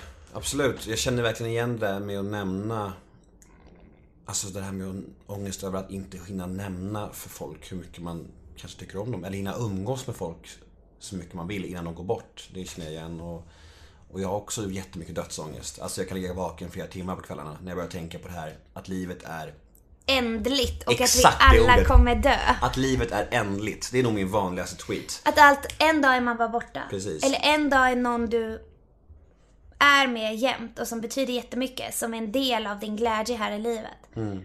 Helt borta. Mm, det, är Men- helt, eh, det är helt vansinnigt. Jag läste om det i en psykologisk tidskrift att enda botemedlet mot det är att inte tänka på det. Ja, om det vore så enkelt. Men det är så här, för mig är det, när jag, om jag fastnar i den här tanken om att Du livet är ut. ändligt. Nej, jag tän- tänker på tre, fyra timmar och bara som en loop. Om och om igen. Och jag blir mer och mer svettig och blir jätteledsen och kan ringa mamma. Alltså vet du, än idag. Tar du fram telefonen då? Jag gör allt min makt för att inte tänka på det. Telefonen, film, musik, äter någonting, vad som helst. För det där är också så himla roligt. Så ibland tänker jag så här, varför är vi så rädda för att känna ångest? Varför bara inte låta den landa i oss? Och acceptera att man har ångest. Mm. Alltså här är en känsla i min bröstkorg. Det är ett stickigt och smärtsamt moln inuti mig som tar bort min aptit och paralyserar mig och gör att jag blir helt ohandlingskraftig och inte kan tänka klart. Mm. Och jag fattar att jag befinner mig i det. Mhm. Ehm, och att jag accepterar det. För att jag kan ibland tycka så här, jag är själv så lätt att det helt plötsligt så här, ringer någon eller smsar eller sätter igång, svarar på ett jobbmail. Mm. Bara för att komma tillbaks till den riktiga världen. Mm. Den, den banala världen. Den, den liksom, den var, det vardagliga. Eller kolla sociala medier liksom. Ja men där är någon som sitter och dricker vin på en uteservering. Helt normalt. Varför sitter jag här och tänker på att förlora alla jag känner eller att allting kommer försvinna eller att jag kommer hamna i ett mörkt svart hål och att jag är där just nu. Men jag håller på att öva på en grej att jag bara, ja jag fattar. Jag känner mig ensam, jag känner ångest, jag känner att vi alla kommer dö ensamma. Eh, och eh, allt är ändligt. Eh, och jag har den här känslan och den håller mig gisslan i min egen kropp. Eh, och jag bara, ja, det är det. Jag bara är. Det är ingenting mer än så. Det värsta är att ha ångest när man måste fortsätta funktionera i ett sammanhang som kräver mycket av den. Å andra sidan kan man tänka att det, det distraherar en. Typ som när man jobbar kan man ju känna ångest över sin prestation eller typ eh, över någonting som måste göra stress och ångest är den typen av lite flyktigare ångest liksom. Som inte är så djupt rotad i vår existens. Eh, men det kan man ju hantera genom att lösa saker. Fan, ja, men nu har jag inte ångest över det. Men ta det lugnt, du behöver inte stressa över det här. Det här löser sig, vi löser det ihop. Eller, eh, eller ja men, du kommer vara bra i det här. Och även om du är det, fuck that shit liksom. Eh, som, som står på scen kan ju vara väldigt ångestladdat. För när man filmar då kan man bara, ah, ja, klipp bort mig. Eller, eller så, ja, ah, jag har gjort det, det är färdiginspelat, det är klart. Men så går man upp på scen och kväll efter kväll spelar upp något som, som ger en ångest. Det, det är ju väldigt läskigt. Men sånt där går att lösa.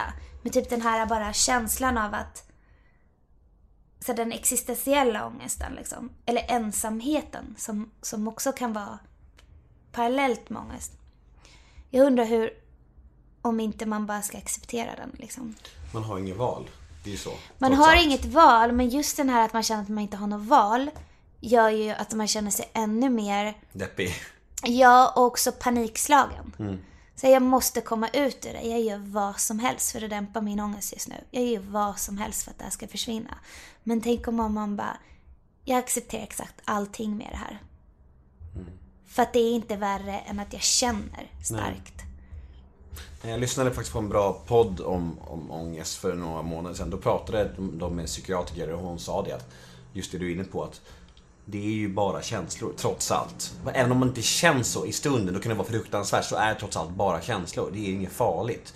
Är, men, men, men där och då känns det ju som väldigt farligt. Vet, man vet ju det. Liksom. det ju. Ja, och det är så läskigt för att känslor är farliga. ja, ja. Jag håller med. Jag håller med. Alltså jag håller med. här, det är ju det som är så farligt. Alltså så här, att känna kärlek eller liksom så här åtrå eller stark ångest eller stark lust. Det är det vi är uppbyggda av. Mm. Alltså det andra är mindre farligt. För det andra är vardagligt liksom. Och om man inte är helt fucked i sin situation. Om vi tar bara lite vardaglig enkel ångest. Det kan ju vara ångest över att man har förlorat sitt jobb och inte kan försörja sin familj. Mm. Det är ju jättejobbigt läge att vara i. Men om man bara tar liksom, Glömt mobilen hemma. ja vi säger så. Mm. Till exempel den grejen. Eh, det, det går ju att lösa för att det är konkret. Men de här känslorna som bara väller över en och tar över hela en system och blodomlopp. Jag tycker de är farliga. Mm. Men jag tycker om dem också. Det, man vill väl känna saker. Man vill ju känna saker, och på gott och ont. Och det är liksom så här. Det är ju liksom det som är också det fina med människa. För ju mer piss man har mått, alltså ju mer piss man mår så kan man faktiskt också uppskatta det fina måendena i livet. Det känns klyschigt att säga, men det är ju också så någonstans. Mm. Jag brukar vara tacksam över att jag har kommer från liksom missbruk och droger och kaos. För idag, om jag upplever en dag idag där jag mår helt okej. Då är det ändå mycket bättre än hur det var va- varje dag förut. För att idag är, en helt okej dag idag är fan asnice. För att Ja. jag kommer från liksom avtändningar och skit och smuts. Och då, då mådde jag skit nästan varje dag. Så det är så här, man, man, man, liksom, man får liksom jämföra med hur det har varit också. Det är så här. Verkligen. Så är det. Och det är så svårt för allt blir också relativt. Så är det. Exakt. För jag, kan, ju- jag kan ibland ha som så driv eller liksom som motto eller liksom som jämförelse eh, skiss typ. Men jag har varit med om värre. Jag har Mm. redan klarat det här och det här och det här. Och jag vet ingen som har klarat det här och det här och det här. Så får det inte heller bli. Det är det. Ja men det är det, för man vill kunna götta sig också någon gång. Som typ så här, bland det värsta som kunde inträffa i mitt liv var att förlora någon jag älskar djupt. Och när, alltså så här, in till döden typ. Och när jag väl gjorde det och det gjorde så ont och det hände igen. Så var jag lite mer förberedd liksom.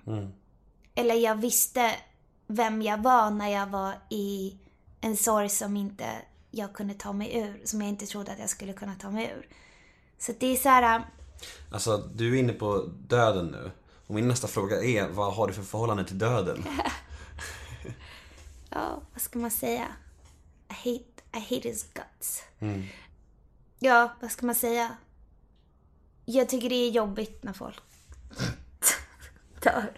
Vad roligt att jag säger något som är århundradets klyscha. Men... Eh, Nej, eh, jag, jag frågar ju så du får säga vad du vill. Ja, men okej. Jag känner så här. äh, Jag har haft en period där jag mist många. Eh, och då, då var jag trött på det liksom. Då blev jag till slut bara så här dränerad. Jag orkade inte gråta mer och jag orkade inte vara den här tjejen som var i sorg liksom. Ehm, Mist många, det låter helt bisarrt. ja, men inte mist många, hur många är många? Nej men alltså, har du... Jag, jag, vet, jag antar att du inte vill prata om det, men det låter så här bara... Att förlora flera stycken på kort tid, låter så här... Ja.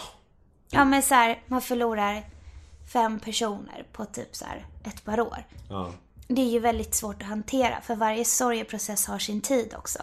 Mm, jag förstår det. Och sen var det eh, beroende på hur nära man står eller hur de dog också som man skulle hantera. Ehm, och vissa hade man mer vardaglig kontakt med än andra.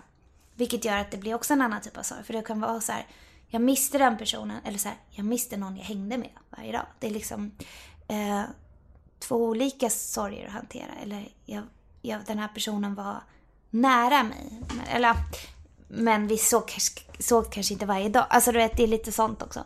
Mm. Men... Mm, jag vet inte, alltså så här, jag vill, man vill inte heller acceptera idén om att allt är flyktigt. För då är det som att ingenting betyder, alltså så här, om jag skulle gå runt och känna så här, "Ah, ja men alla kommer dö. Typ så här, jag har fattat det. Då blir det också så himla tråkigt för att jag vill att saker ska vara heliga och värdefulla för mig.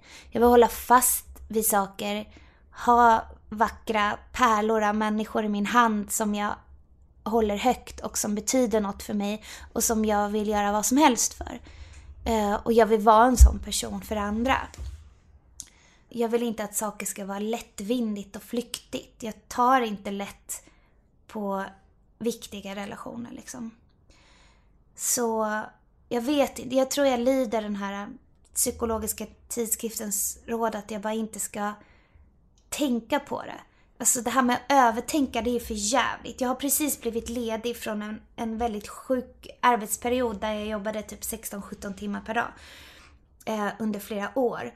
Utan en dag ledigt typ. Eh, och då, när, och så blev jag ledig nu. Jag tog ledigt. Jag var verkligen så jag vill vara ledig. Jag vill typ njuta av sommaren och jag vill typ vara med min familj och mina vänner.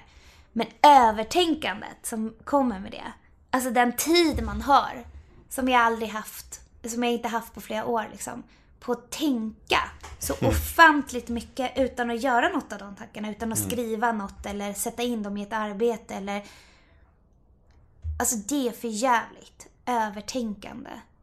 Ja, fy fan. Jag, har- alltså, det, Har det, man någonsin usch. löst någonting med det? Nej. Att överanalysera situationer och saker som har hänt och så här. Det är liksom det. Det är ju Man vill ju tro att man vansinne. löser Det är någonting. vansinne liksom. Man vill tro att man blir mer intelligent. Man blir bara galen. Man, man går en sakta, sakta stig mot vansinne. Det är det man gör.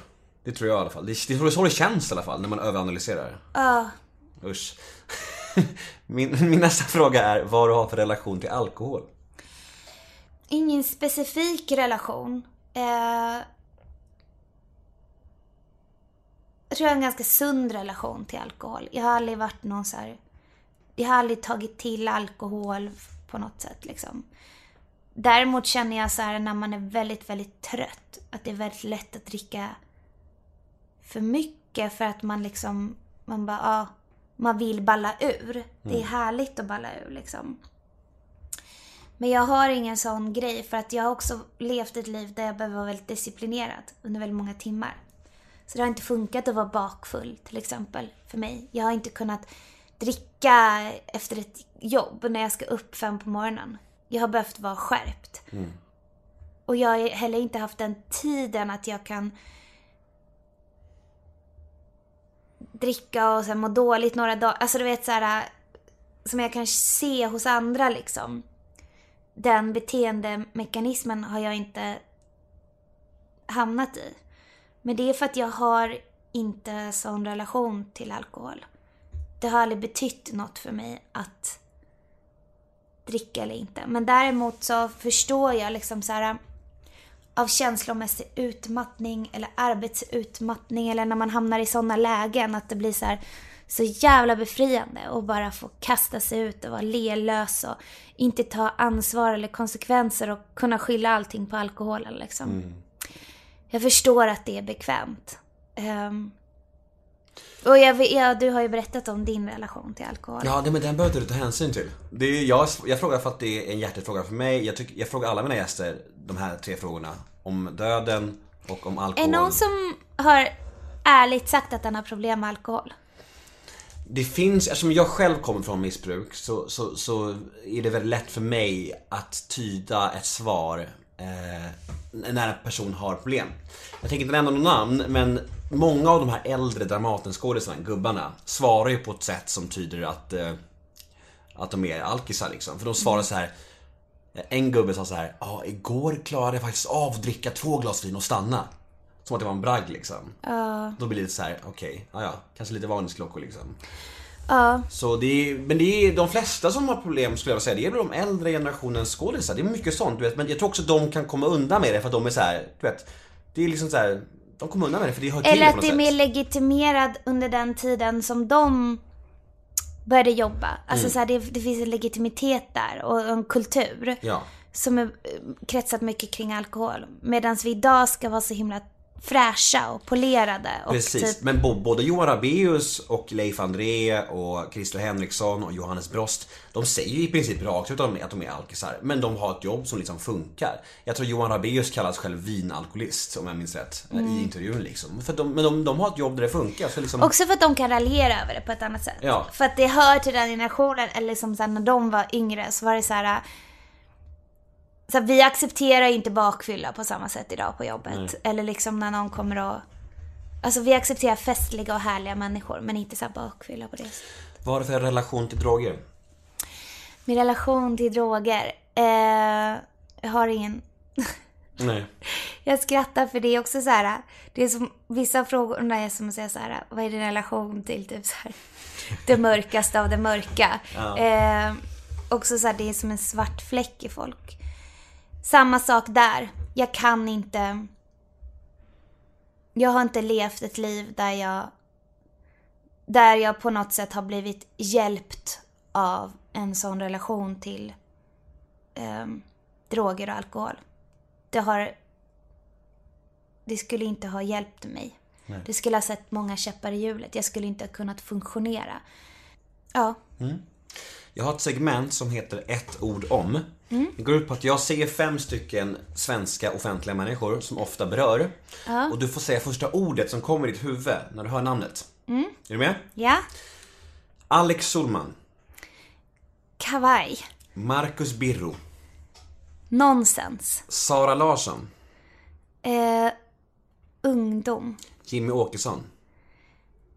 Eh, seriefigur. Leif GW Persson. Eh, litteraturfåtölj. Bra ordval alltså. Kommer det någon eh, mer säsong av Boy Machine? Alltså, grejen är... Alla frågar det. Och jag har inget svar. Nej. För att det är inte som att vi har pratat om det. Eller liksom det var som att, ja, ja, alltså det var typ som att ingen tog tag i det riktigt. Mm. Jag vet inte. Mm. Snart kommer jag ju bli för gammal för att spela den rollen. Jag kan inte vara så här ung och grön manager hur länge som helst. Ja, kanske. Du, eh, vi börjar bli klara. Vad roligt det var att prata med dig. Tycker du det? Ja, det tycker jag. Jag tycker det var fantastiskt trevligt. Och eh, jag har egentligen frågor kvar, men det blir, alltså vi, vi- det vet ju hur länge vi har hållit på. Nej. En timme och 37 minuter. Va? Ja, förstår du hur sjukt det är? Förstår du hur mycket du måste klippa för att det ska bli... Nej men jag gillar det långt. Jag tycker om också att du får göra dina utläggningar och liksom prata till punkt. För jag tycker det är intressant, på riktigt alltså. Eh, Jag tycker det var skittrevligt och eh, jag tycker att om man vill följa Kima på sociala medier, du Ja. finns, vart finns du? Ja, på Instagram heter jag Shima Shimmy. Mm. Mm. Har du något mer? Twitter kanske? Nej. Nej. Alltså jag, jag har något konto på Twitter men ja, jag, jag Mm. twittrar inte. Gå in och följ Kima på Instagram. Har du något annat du vill pusha för framöver? Vad, vad händer framöver? Vad... Jag ska spela in en tv-serie i höst. Mm. Jag ska hålla på med min musik. Jag har släppt typ två låtar på Spotify under namnet Shima. Men jag In och lyssna på det för fan. Ja, jag la, la ner min egen lansering. Jag hade för mycket att göra. Så jag har inte pushat för den grejen. Ehm, men jag älskar mina låtar. Och det kommer bli en platta snart. Uh, ja, In och följ Kima på Instagram, lyssna på hennes musik på Spotify och titta på She's Wild Again Tonight på SF Anytime. ja. Eh, Jag heter Nemo Hedén på Twitter och Instagram. Hashtaggen är neomöter. In och gilla oss på Facebook, neomöter en vän. Vi säger tack till Kima Niavarani. Tack så mycket Nemo Hedén.